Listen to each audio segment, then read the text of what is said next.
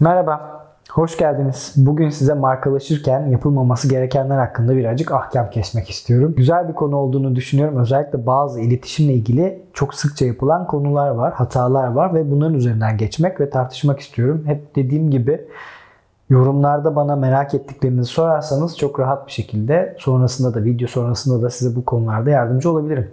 Şimdi markalaşırken yapılan en büyük hatalardan birisi aslında şöyle. Burada şöyle başlamak belki daha doğru olabilir. Çoğu zaman aslında ilk intiba çok önemlidir. Biz yüz yüze birisiyle tanıştığımız zaman bile aslında aslında birkaç saniye içerisinde karşımızdaki kişiyle ilgili olan notumuzu hızlı bir şekilde verebiliyoruz. Dolayısıyla da aynı şey neden markalar için geçerli olmasın?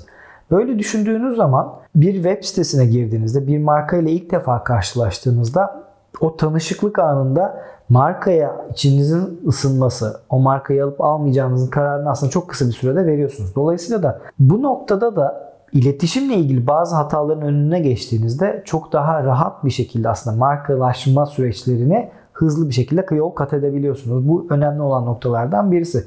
Şimdi kötü olan şeylerden birisini aslında yanlış bir dil kullanılması, yanlış platformun seçilmesi, yanlış hedef kitlerin oluşması. Günün sonunda bunlar insanları, markaları daha doğrusu çok farklı yerlere yönlendirebiliyor. İşte markaların çok büyük egolar yaparak yavaş davranması, belki büyük yapıların zaman içerisinde hantallaşarak karar verme mekanizmalarının yavaşlaşması onları aslında pazarda farklı alanlara hatta iflaslara bile taşıyabiliyor. Buradaki örneklerden birisi Kodak. Kodak zamanın en büyük, en bilinir markalarından birisiydi ama dijital kamera sektörüne girmekte çok yavaş kaldılar. Ki aslına baktığınızda ilk dijital kameranın da keşfi onlardaydı. Ürünleri vardı ama pazara sunmadılar. Çünkü pazardan böyle bir ihtiyacın olmadığını düşündüler. Ama ne oldu? Dijital kamera, kameralar geldi ve filmleri aslında yıktı geçti. Şu an neredeyse hiç kimse filmden bahsetmiyor. Dolayısıyla da Kodak gibi bazı noktalarda çekingen davranıp elinde ürün olmasa olsa bile pazara girmemesi, pazara sunmaması, yavaş kalınması, hantal davranılması onu iflasa kadar götürdü 2012'de. Dolayısıyla da bu aslında yanlış marka stratejilerinden birisiydi. Ya da benzer bir şekilde gene aldığım notlarda BlackBerry örneği vardı. BlackBerry bir ara ciddi derecede akıllı telefon pazarını domine eden markalardan birisiydi. Şimdi neredeyse adı bile okunmuyor. Hiç yok bile. Dolayısıyla da markaların kurduğu stratejilerde markalaşırken yapılan hatalar hantallaşmalar sonucunda farklı sonuçlara neden olabiliyor. Buna böyle bakmak gerekir. Peki diyeceksin ki ne yapacağız peki? Nelerin önüne geçebiliriz? Neler yaparsak daha doğru olur? Burada aslında çok basit birkaç tane şey var. İşin özü aslında gene iletişimden geçiyor. Doğru bir şekilde iletişimle başlamamız gerekiyor. Bu iletişim nereden başlar?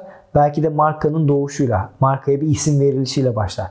Markanın isminin özellikle doğru olması gerekiyor. Eğer ki global bir marka yaratacaksanız baktığınızda global markanın tabii ki şey çok zor bütün dillere göre o kelimenin neleri çağrıştırdığını yakalamak çok zor ama burada daha aslında yumuşak bölgelerde ilerlemek çok daha kolay olabilir. Bazı kelimelerin farklı dillerdeki anlamları çok abuk subuk yerlere gidebilir. Bunlarla ilgili çok fazla örnekler var. Çok komik örnekler de var. O yüzden çok fazla bunları dillendirmek istemiyorum ama ilk aşamada baktığınızda doğru ismi seçmek markanız için kolay bir şekilde telaffuz edilmesi sizin işinizi kolaylaştıran noktalardan birisidir.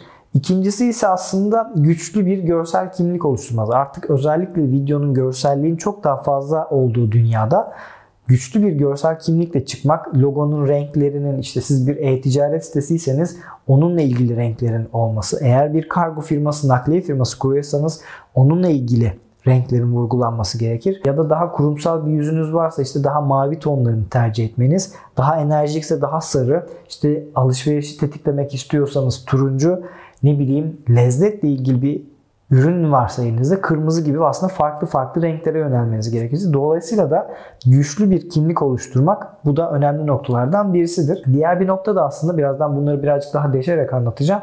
Marka kimliğinin farklı platformlarda düzenli bir şekilde ifşa edilmesi, daha doğrusu dillendirilmesi.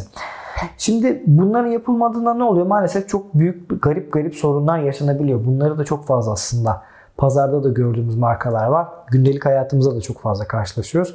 Böyle noktalarda markanın yapmaması gereken şeylerden birisinden başladığımızda ilk numarada birinci sırada yer alan şeylerden birisi hedef kitlenin net olarak belirlenmemesi. Şimdi siz bir marka inşa ettiniz. Gerek üretici olabilirsiniz ya da gerekirse bir yerden ürünü aldınız, fason ürettirdiniz. Kendi markanızla ürettirmek satmak istiyorsunuz, markanızı büyütmek istiyorsunuz ya da dijital bir pazarlama şirketi koydunuz. Bir şekilde büyümek istiyorsunuz. Şimdi buradaki en önemli sorulardan birisi ben nereye gitmek istiyorum? Hangi hedef kitleye oynamak istiyorum? Dolayısıyla da hedef kitle seçimi bu noktada çok önemlidir. Siz 40 yaşın üstünde genellikle A++ yani finansal durumu çok ciddi derecede iyi kişilere hedefliyorsanız markanızın yapılanmasını ona göre yapmanız gerekir ya da markanızla ilgili farklı bu dillere dikkat etmeniz gerekir. Siz kendinizi eğer ki üst düzey yöneticileri pozisyonluyorsanız markanızı oradaki kullandığınız dilin ve görsellerin ona göre olması gerekecek. Oyun pazarlıyorsanız, bir yazılım tabanlı oyun pazarlıyorsanız gene görsellerinizin ve hedef kitlerinizin onunla onun uyumlu olması gerekecektir. Okuduğum makalede şöyle bir örnek vardı. Bunu ben de kaçırmışım, yakalayamamışım. 80'lerde Colgate o kadar aslında bizde hep diş fırçası, diş macunu, ağız hijyeniyle alakalı bir ürünler olarak çağrıştırırken Amerika'da Colgate zamanında lazanya üretmeye çalışmış ve bunları pazarlamaya çalışmış ve bu aslında çok kötü bir örnek olarak karşımızda. Çünkü siz bir yandan ağız hijyeniyle alakalı bir marka çağrıştırmaya çalışırken bir yanda da kendinizi yemek üzerine bir şeyleri çağrıştırdığınızda aslında markanın pozisyonlanması ile ilgili aslında sorun yaşıyorsunuz. Dolayısıyla da hedef kitlenizi seçerken markanızı hedef kitlenizi seçerken çok net olmanız daha doğru olacaktır. Bununla ilgili son yıllarda özellikle sub brandingler çok fazla çıkmaya başladı. Şimdi teknoloji sektöründen birçok markaya da ben çalıştığım için çok fazla isim vermek istemiyorum ama çatıda bir tane isim vardır. Onun altında işte oyuncular için farklı bir markası vardır. Creator'lar için farklı bir markası vardır. İşte kurumsal için farklı bir markası vardır. Genellikle çatıda bir marka seçip aslında sub brandinglerle aslında farklı mesajları vermeye çalışıyorlar. Yani çatıda ana mesaj, altta oyunculara giderken bu, işte creator'lara giderken bu gibi farklı mesajlarla kendi hedef kitlelerini kendi içerisinde kırmaları gerekiyor. Aslında daha da doğru bir şekilde ilerliyor böyle düşünürseniz. İçeriklerdeki görsellerin kalitesi. Şimdi siz baktığınızda artık her şey dijital. Neredeyse artık yazı okumuyoruz. Blokların okunabilirliği azalıyor. Bitti demiyorum azalıyor. Hala bir kitle var. Ben de onlardan birisiyim ama videonun artık çok ciddi derecede domine ettiği bir pazardan bahsediyoruz. Kısa videolar çok ciddi derecede artıyor. Logolar, görselleştirme çok ciddi derecede öne çıkıyor. Şimdi siz böyle bir noktada aslında markanızla ilgili stok fotoğrafları kullanmaya başladığınızda orada doğru mesajı verebiliyor musunuz? Yani şimdi global bir markayı düşünün. Siz globalden bir ülke dikeyinde fotoğraflar çektiniz. Sonra onu aldınız, Türkiye'de uygulamaya çalıştınız. Ama insanların gözüne o net o kadar net bir şekilde takılıyor ki siz örnek veriyorum. Amerika'daki bir ailenin dokusunu çektiğinizde o Türkiye'deki bir aile dokusuyla oturmuyor.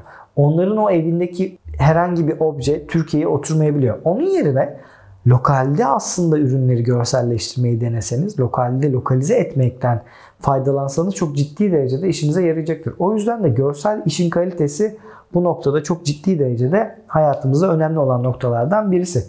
Diğer bir konu da aslında bütün platformlardaki dilinizin bir olması ve akıcılık. Bütün platformlarda benzer bir dile sahip olmanız. Bu şu demek. Sizin bir web siteniz var. Web sitesi içerisinde bir mesaj vermeye çalışıyorsunuz. Bir görselleriniz, bir renginiz, kurumsal kimliğiniz var.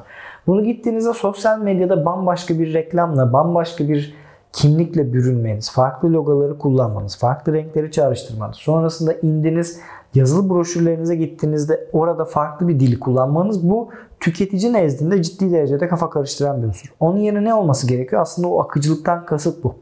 Bir ürünle ilgili, marka ile ilgili, alt marka olarak ya da sub branding öyle söyleyin. Her platformda aynı dilinizin olması aslında kullanıcılarda aslında farkındalık yaratarak daha iyi bir şekilde iletişim kurmanızı sağlayacaktır onlarla.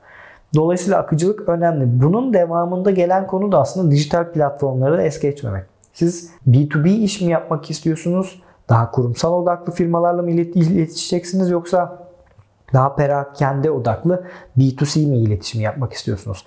Dolayısıyla da var olduğunuz sosyal medya platformları da aslında bunları devamlılığı olması gerekiyor. Bir bütünsellik arz etmeli. Yani sizin web sitenizde olan içeriğiniz sosyal medyada, sosyal medyadaki reklamdaki mesajın hepsini aslında bir bütünsellik olması gerekiyor ve markalaşırken dijitalden kopmamanız gerekiyor. Yani siz aslında dijitalde var olmayacağız. Biz artık sadece ürün üretip pazarda satıyoruz. Yani gerçekten belki pazarda satabilirsiniz, yurt dışına satabilirsiniz ama artık devir o kadar değişti ki insanlar markanızı girip bir şekilde Google'da araştırıyorlar, Instagram'da araştırıyorlar ve özellikle 2002'de yapılan, 2022'de yapılan, geçen senede yapılan araştırmalarda TikTok'un ciddi derecede bir aslında SEO tabanlı içerik ürettiğini ve insanların bazı şeyleri Google yerine artık Instagram ve TikTok gibi platformlarda aradığını, o platformların ön plana çıktığını görmeye başlıyoruz. Dolayısıyla da markalaşırken dijital platformları hangisinin sizin için doğruysa hedef kitlenizi örtüşen onu göre planlamanız daha doğru olacaktır. Ve aslında en sonuncusu da değişime açık olmamak. Bir şeyleri yaptığınız ve en doğrusu bu oldu şeklinde ilerlediğinizde genellikle burada sorun çıkıyor. Çünkü maalesef her şeyi baştan da planlasanız kervan yolda güdülüyor. Dolayısıyla da bazı şeylerin yol içerisinde planlanması ve değişmesi gerekecektir. Bu da aslında size ciddi derecede bir çeviklik kazandıracaktır. Ne kadar işte hantal yapılardaki, büyük yapılardaki, kurumsal yapılardaki en büyük sorunlardan birisi bu. Karar verme mekanizmalarının nispeten daha yavaş ilerlemesi. Örnek veriyorum senelik bütçelerin yapılması, yapıda karar vericilerin çok fazla olması aslında o büyük yapının yön değiştirirken zorlanmasını sağlıyor. Ama aslında çevik yapılarda bu çok daha iyi. Değişime açık olduğunuzda güncel trendleri yakalayabilirsiniz. İşte pandemi oldu bir anda herkes var olan ofislerinden evlere ofis evlerine çekildiler. Bu noktada hızlı bir adaptasyon çok ciddi derecede önümüze gelebilir. Ya da çok hızlı bir şekilde trendler değişiyor. Reklam bütçelerinizi hızlı bir şekilde değerlendirip var olan pazarı günceli yakalamanız gerekiyor. Dolayısıyla da ya da farklı bir örnek artık TikTok, TikTok diye bir gerçek var hayatımızda. Dikey video diye bir gerçek var. Dolayısıyla da bu trendi kaçırmaya başladığınızda bazen gün gelir görürsünüz ki artık çok geç kalmışsınız ve yok olma noktasına geliyorsunuz. Ya bu yok olacaksınız anlamına gelmiyor ama trendleri yakalamak sizin için ciddi derecede bir avantaj sağlayacaktır. Dikey videolar mı popüler? Hadi bir ucundan tutun. Sürekli olmanıza gerek yok. En, en azından yapmaya başlayın. Dolayısıyla da değişime açık olmak bu noktada önemli olan unsurlardan birisi. Markalaşırken hani yavaş yavaş toparlamam gerekirse markalaşmak da aslında bir yani tabii ki sayfalarca strateji kurulması ayrı konu, sosyal medyaları ayrı konu, ürün tarafı ayrı, satış sonrası, lojistiği çok kapsamlı bir konu. Ben sadece burada iletişim tarafına ele alıp birkaç başlık altında indirgemeye çalıştım ama bu konu belki de başlasak saatlerce konuşmamız gereken bir konudur. Stratejinin oluşturulması, hedef kitlenin oluşturulması, ürünün nerede ne nasıl yapılması gerektiği ile ilgili çok farklı detay var. Ama baktığınızda artık dijital bir dünyada yaşadığımızda insanların markanızın adını doğru bir şekilde telaffuz ediyor olması çok önemlidir. Mesela artık marka ismi Türkçe mi İngilizce mi daha kolay telaffuz ediliyor. Kimi kişi işte daha basit bir şekilde Türkçe, İngilizce olsa bile bir kelime Türkçe mi çağrıştırıyor yoksa İngilizce mi olarak değiştirmiyor. Bununla ilgili çok komik hikayeler de var geçmişten. Şimdi maalesef markaların isimlerini veremiyorum. Gömmek olacak ama çok da güzel şeyler var. Dolayısıyla da marka isminin insanların aklına nasıl kaldığı çok önemlidir. İletişimin birinci aşamalarından birisidir. Güçlü bir görsel kimlik oluşturmak ve bunun bütün platformlarda web sitenizden belki kart vizitinize kadar her yerde aslında bir akıcılık içerisinde olması gerekecektir. Son olarak da baktığımızda stratejinizin düzenlilik arz etmesi gerekecektir ve değişime de ayak uydurduğumuz takdirde aslında markalaşırken süreçle beraber markamızı evrilmek bizim ciddi derecede işimize yarayacaktır. Dediğim gibi bu konuyu böyle çok uzatmak istemedim. Özellikle varsa bu konuyla ilgili sorularınız mesajlar kısmında yanıtlamaktan mutlu olurum. Tartışmaktan mutlu olurum. İzlediğiniz için teşekkürler. Bir sonraki bölümde görüşürüz.